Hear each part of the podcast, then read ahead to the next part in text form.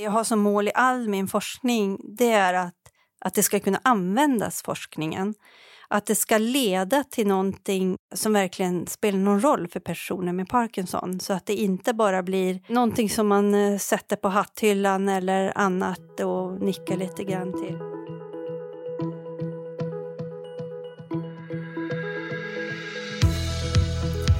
Hej och välkommen till podden Omtanken från Stiftelsen Stockholms sjukhem. En podd där våra medarbetare delar med sig av sina kunskaper så att fler kan ge en ännu bättre vård och omsorg.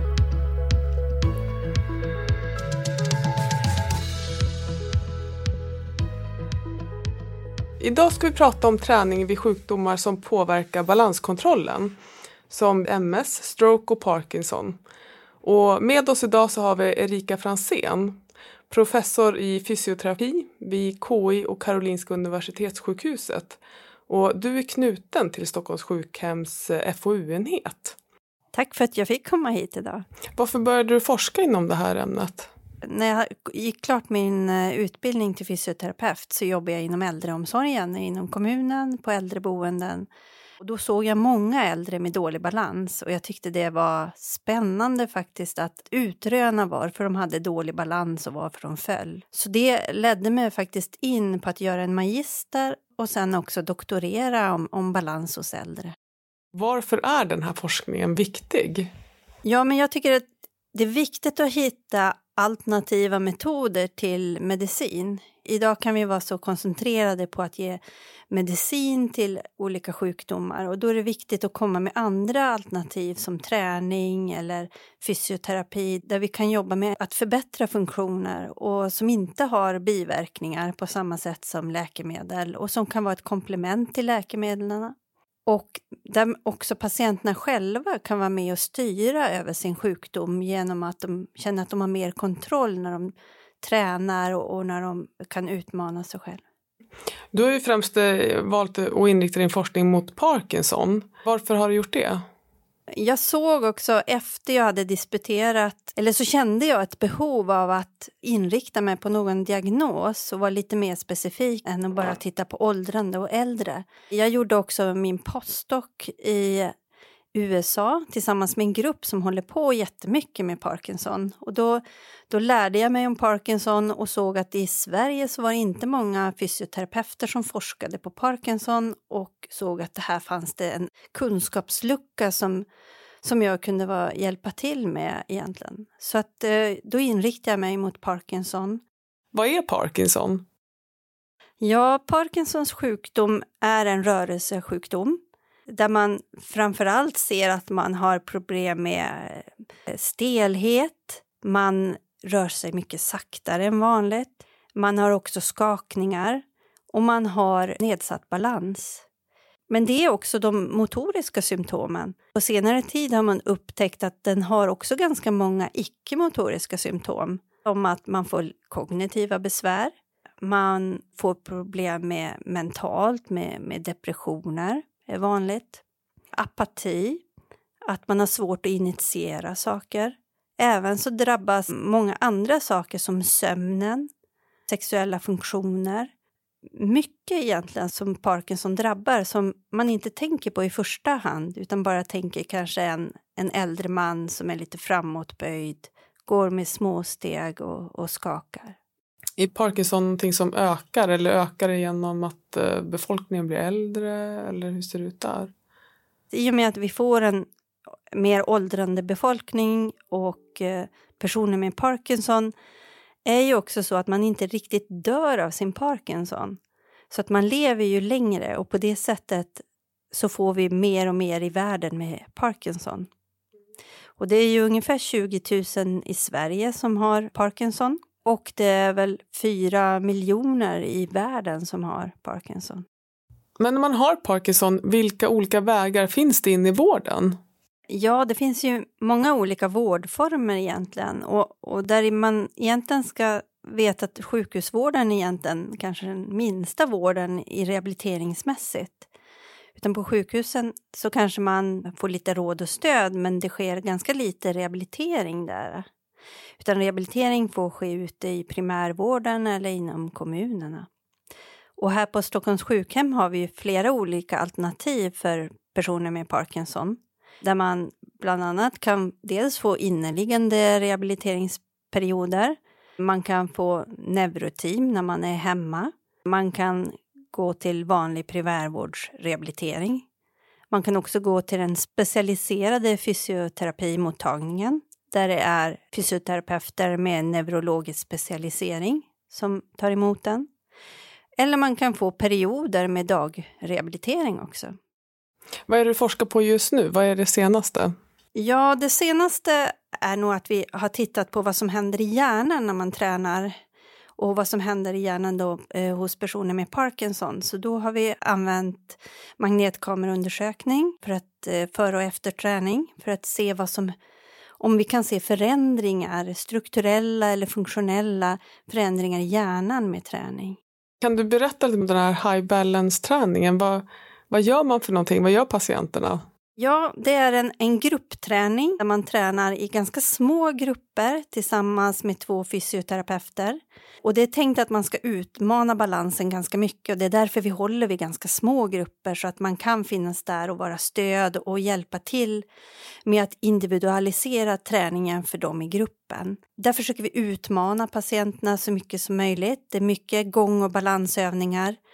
Och vi blandar också in någonting som vi kallar för dual task eller multitask. Det är att man går och gör någonting annat samtidigt, som att bära en bricka med bollar på eller att rabbla eh, vad du ätit till frukost eller eh, vad du åt till lunch förra veckan eller någonting som gör att man distraherar samtidigt som man utmanar balansen. Och det här finns det jättemånga olika kombinationer på, men det blir det är någonting som gör övningarna svårare och svårare. Mm, man gör flera saker samtidigt. Ja, precis. Man gör flera saker samtidigt och det är ju någonting som egentligen krävs idag i ett vardagligt liv, att du gör inte bara en sak samtidigt. När du är ute och handlar så måste du också komma ihåg vad du ska handla, du måste gå, du måste navigera runt personer och du måste leta dig fram. Så att du gör alltid flera saker samtidigt och det är det vi måste träna på också. Nu så pratar vi också om vad, vad din senaste forskning har visat. Vad har du kommit fram till tidigare? Eller vad har du och din forskargrupp kommit fram till tidigare? Just med high balance-träningen. Ja, först gjorde vi en randomiserad kontrollerad studie där vi tittar på effekten av träningen jämfört med en grupp som, som egentligen inte tränade. Och då såg vi effekter i träningsgruppen och vi såg att de förbättrade balansen, de förbättrade gånghastigheten, de tog framförallt längre steg. Vi kunde också se att de kunde förbättra den här dual task-förmågan, att göra flera saker samtidigt. Och vi kunde se några andra förbättringar, bland annat i fysiska aktiviteten. Sen eh, gjorde vi en studie efter det där vi tittade på det programmet och hur det kan implementeras och vilken effekt det har när man gör det i vanlig klinisk verksamhet.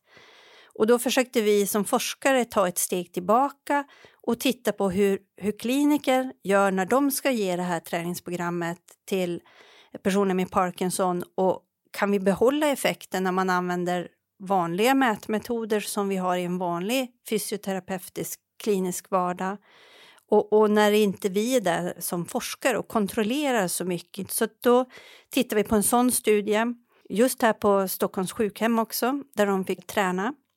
Och där såg vi också liknande effekter på gången och på balansen. Även att, att det var egentligen mycket mer brokighet i den. Alltså vi kunde inkludera mer, vi exkluderade inte som man gör i studien, att man kanske exkluderar ganska många. Här inkluderar vi de flesta som ville vara med. Mm, som hade Parkinson? Som hade Parkinson, precis. Och att det var vanliga fysioterapeuter som gjorde träningen och som mätte före och efter träningen.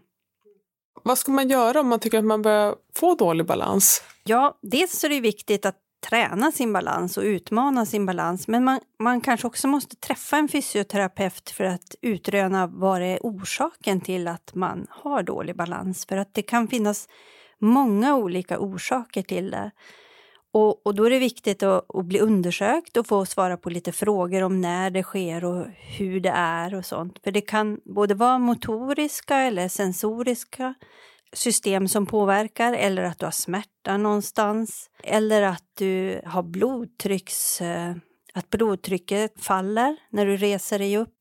Det finns många olika orsaker, även kognitiva orsaker som det är bra att titta på och undersöka. Så det fysioterapeuten gör det är att man undersöker balansen ganska brett för att se vad det är som påverkar och sen föreslår övningar eller träningar som kan kompensera det här. När börjar man få dålig balans på grund av ålder? Ja, alltså det är väldigt olika när man får det och eh, hur man får det också. Så det, det, säger inte att man måste ha dålig balans bara för att man är äldre. Det bästa mot balansen att inte få dålig balans, det är att hela tiden utmana sig och vara fysiskt aktiv. För i vårt vardagliga liv så utmanar vi vår balans hela tiden egentligen. Vi tar på oss kläderna på morgonen och kanske står på ett ben en stund och vi går och vi är ute i skogen eller går på ojämn mark och, och tränar vår balans. Och så fort vi blir mer och mer stillasittande så tränas inte balansen heller. Och det påverkar oss kanske att vi får sämre och sämre balans. Men hur vet man att man börjar få dålig balans? För det kanske är att man slutar att göra saker utan att man tänker på det. Finns det något test? Ja, alltså det smyger ju sig på en tror jag när man blir mer och mer inaktiv eller inte rör sig lika mycket.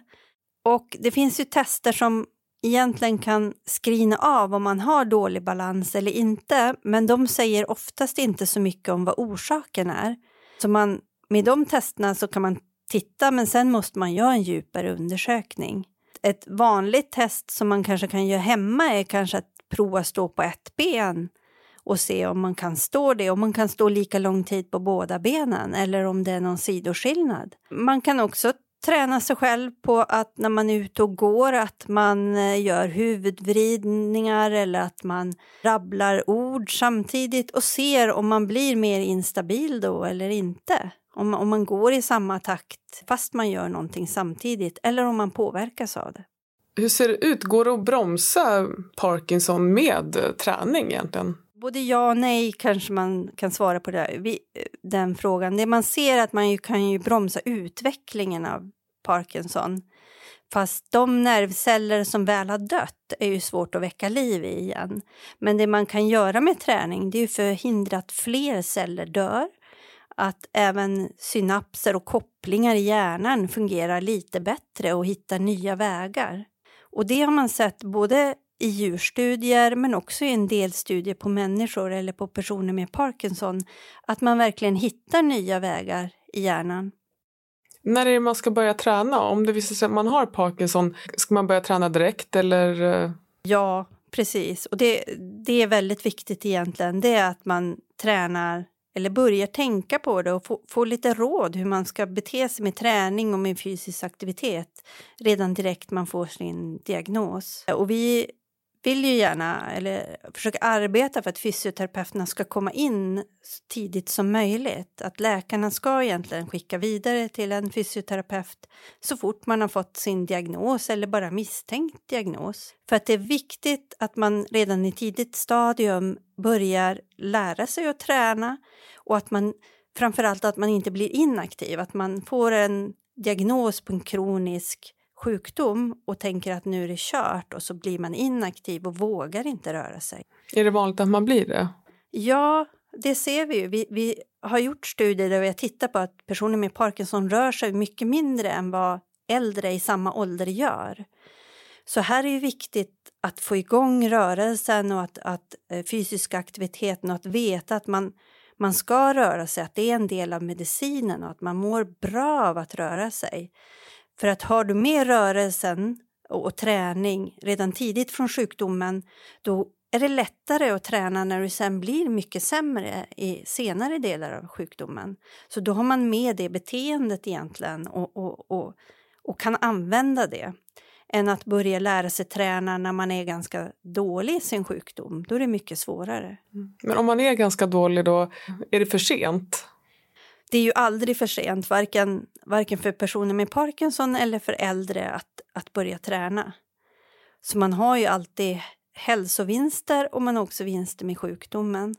Men i senare delen av sjukdomen då kanske man behöver mer stöd i sin träning. Och där är det viktigt att träffa en fysioterapeut för att få råd om och, och kanske ett träningsprogram eller hänga med i en grupp eller träna individuellt för att just kunna rikta träningen till det man behöver träna. Hur har det varit nu under eh, pandemin? Vad har hänt med de här eh, patienterna då? Ja, faktiskt så har vi sett att mycket rehabilitering har blivit inställd för personer med Parkinson. Och vi gjorde faktiskt en studie på det att vi skickade ut såna här aktivitetsmätare till eh, personer med Parkinson under pandemin.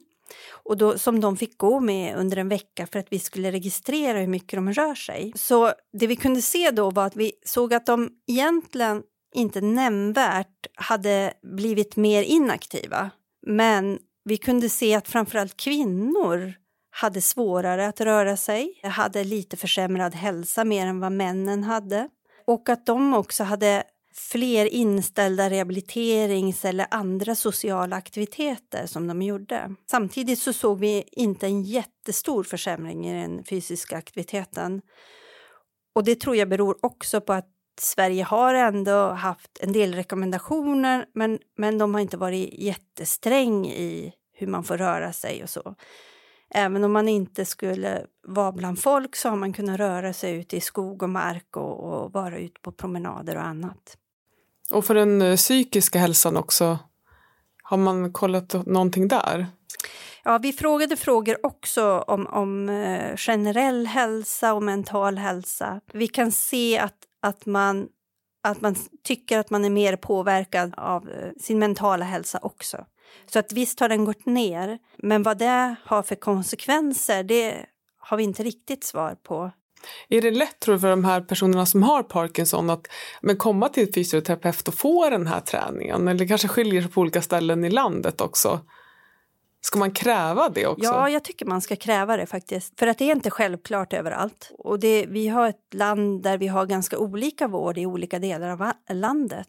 Så att det är viktigt att man vet sina rättigheter eller vad man skulle kunna kräva. Och där är ett tips att det finns ett par riktlinjer för fysioterapi vid Parkinsons sjukdom som är framtaget av eh, fysioterapeuterna fysioterapeuterna, vårt yrkesförbund, som finns att ladda ner på nätet. Och de kan man läsa även som patient eller anhörig och veta vad finns det evidens för? Vad är det vi ska syssla med för olika behandlingar? Och då kan man också kräva efter de riktlinjerna.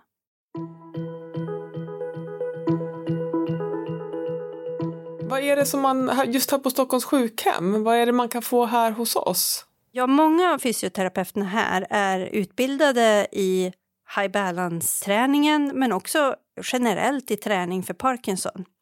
Även om man kanske inte får gruppträningen med high balance så kan man, få, så kan man använda de principerna i annan träning också. Och nu har vi också startat upp en, en pilotstudie där vi försöker att träna på distans egentligen genom en app som man får träningsprogram genom och att, att se hur det kan gå och hur det kan stödja en att träna i hemmet egentligen. Ja, vi har ju även ett stående inslag i podden som heter En gång då det inte gick så bra och så här löste jag problemet.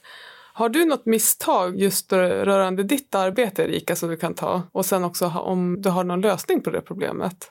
När det gäller just träning och balansträning så gör man ju ibland misstaget att man utmanar någon lite grann för mycket så att det sker ett fall.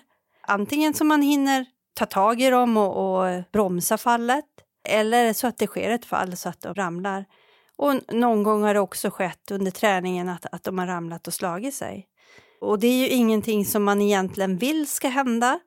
Men det är ju någonting som risken, som man får ta risken egentligen när man gör balansträning för att då vill man ju utmana till ett nära fall. Och då utmanar man lite för mycket och personen kanske är lite trött den dagen, då är det lätt att det blir ett fall också. Är det farligt att falla? Nej, jag tycker det hör egentligen till livet ganska mycket att, att man faller då och då. Det är viktigt kanske att man inte att man inte får skador när man faller eller slår sig för mycket men att förhindra fall alltid. Skulle vi göra det då skulle vi inte vara ute och röra på oss utan då skulle det vara bättre att vi satt inomhus hemma och inte rörde oss så mycket. Så att med aktivitet så kommer också en större fallrisk. Och, och då får man ta kanske att man faller någon gång då och då för att man ändå är ute och rör på sig och utmanar sin balans och sin fysiska förmåga. Men jag kan tänka mig att många äldre kanske känner så att om jag ramlar då kanske jag hamnar på sjukhus och så blir jag sängliggande och man vågar inte. Har du något tips till dem? Ja, men om, om man känner fallrädsla och är väldigt rädd för att falla då är det ju ofta så att man begränsar sina aktiviteter. Då börjar man röra sig mindre och mindre och då får man också sämre och sämre balans eftersom när man rör sig mindre och utmanar sig mindre då tränas inte balansen. Så att på något sätt så går man ju själv in i en ond spiral neråt på det sättet. Så att det är viktigt att man kan hantera eller lära sig att hantera sin fallrädsla så man är rädd i situationer eller, eller kan undvika situationer där det är stor risk för att falla men att man ändå tar vissa risker för att ändå vara aktiv och röra sig.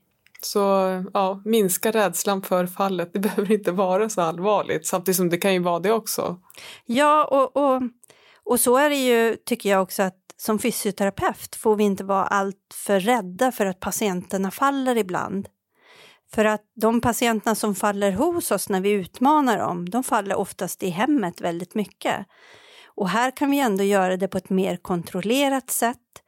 Eh, och vi kan kanske lindra fallet och vi kan se också vad det var som orsakade fallet och prata med patienterna om det så att man lär sig någonting av fallet och, och lär sig också var man har sina gränser för sin balans. Har du några mera tips där till andra fysioterapeuter? Generellt ska jag säga att vi kan oftast utmana och träna äldre och personer med Parkinson mer än vad vi tänker oss att vi kan. Och vad jag upplever också är att personerna själva tycker att det är roligare att bli utmanad och att göra någonting som de inte riktigt tror att de ska klara av. Men sen när de verkligen klarar av det så är det väldigt motiverande träning att, att pusha sina gränser och att hela tiden försöka eh, känna att, att jag klarar mer och mer. Och vad ska man vända sig som fysioterapeut där om man vill ha inspiration? Dels finns det mycket att läsa i litteraturen.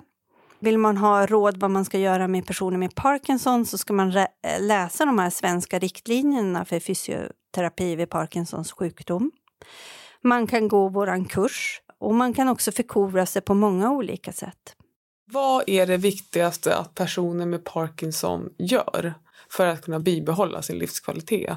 Jag tror att det är viktigt att man Alltså det här är en individuell fråga och man måste titta på själv. Vad är det jag mår bra av att göra och, och gillar att göra? Och sen att man fortsätter att göra det trots att man har Parkinson. Man kanske hittar en anpassad form av det eller så kanske man kan göra det med lite hjälp eller så klarar man att göra det med lite stöd från någon annan. Men att man fortsätter göra saker som man känner att man mår bra av och inte sluta med de sakerna. Att hela tiden fortsätta leva egentligen. Ja, att man fortsätter leva, man eh, lever och stimuleras av saker och ting runt omkring en.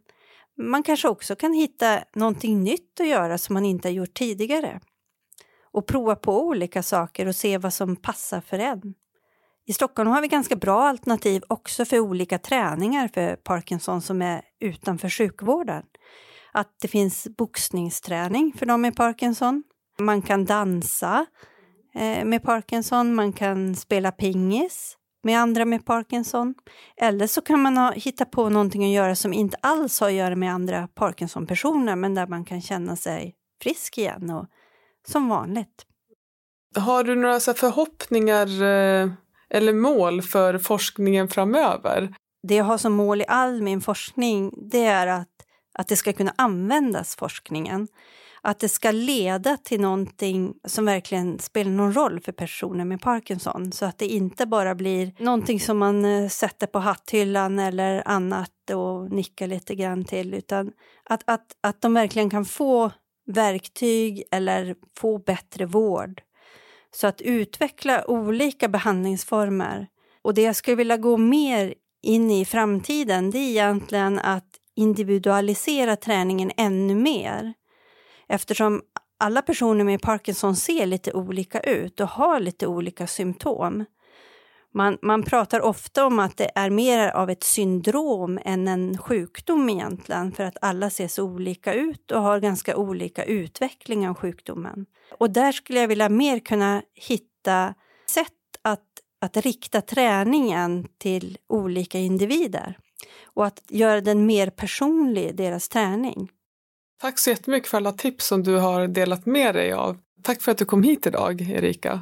Tack för att jag fick komma hit idag.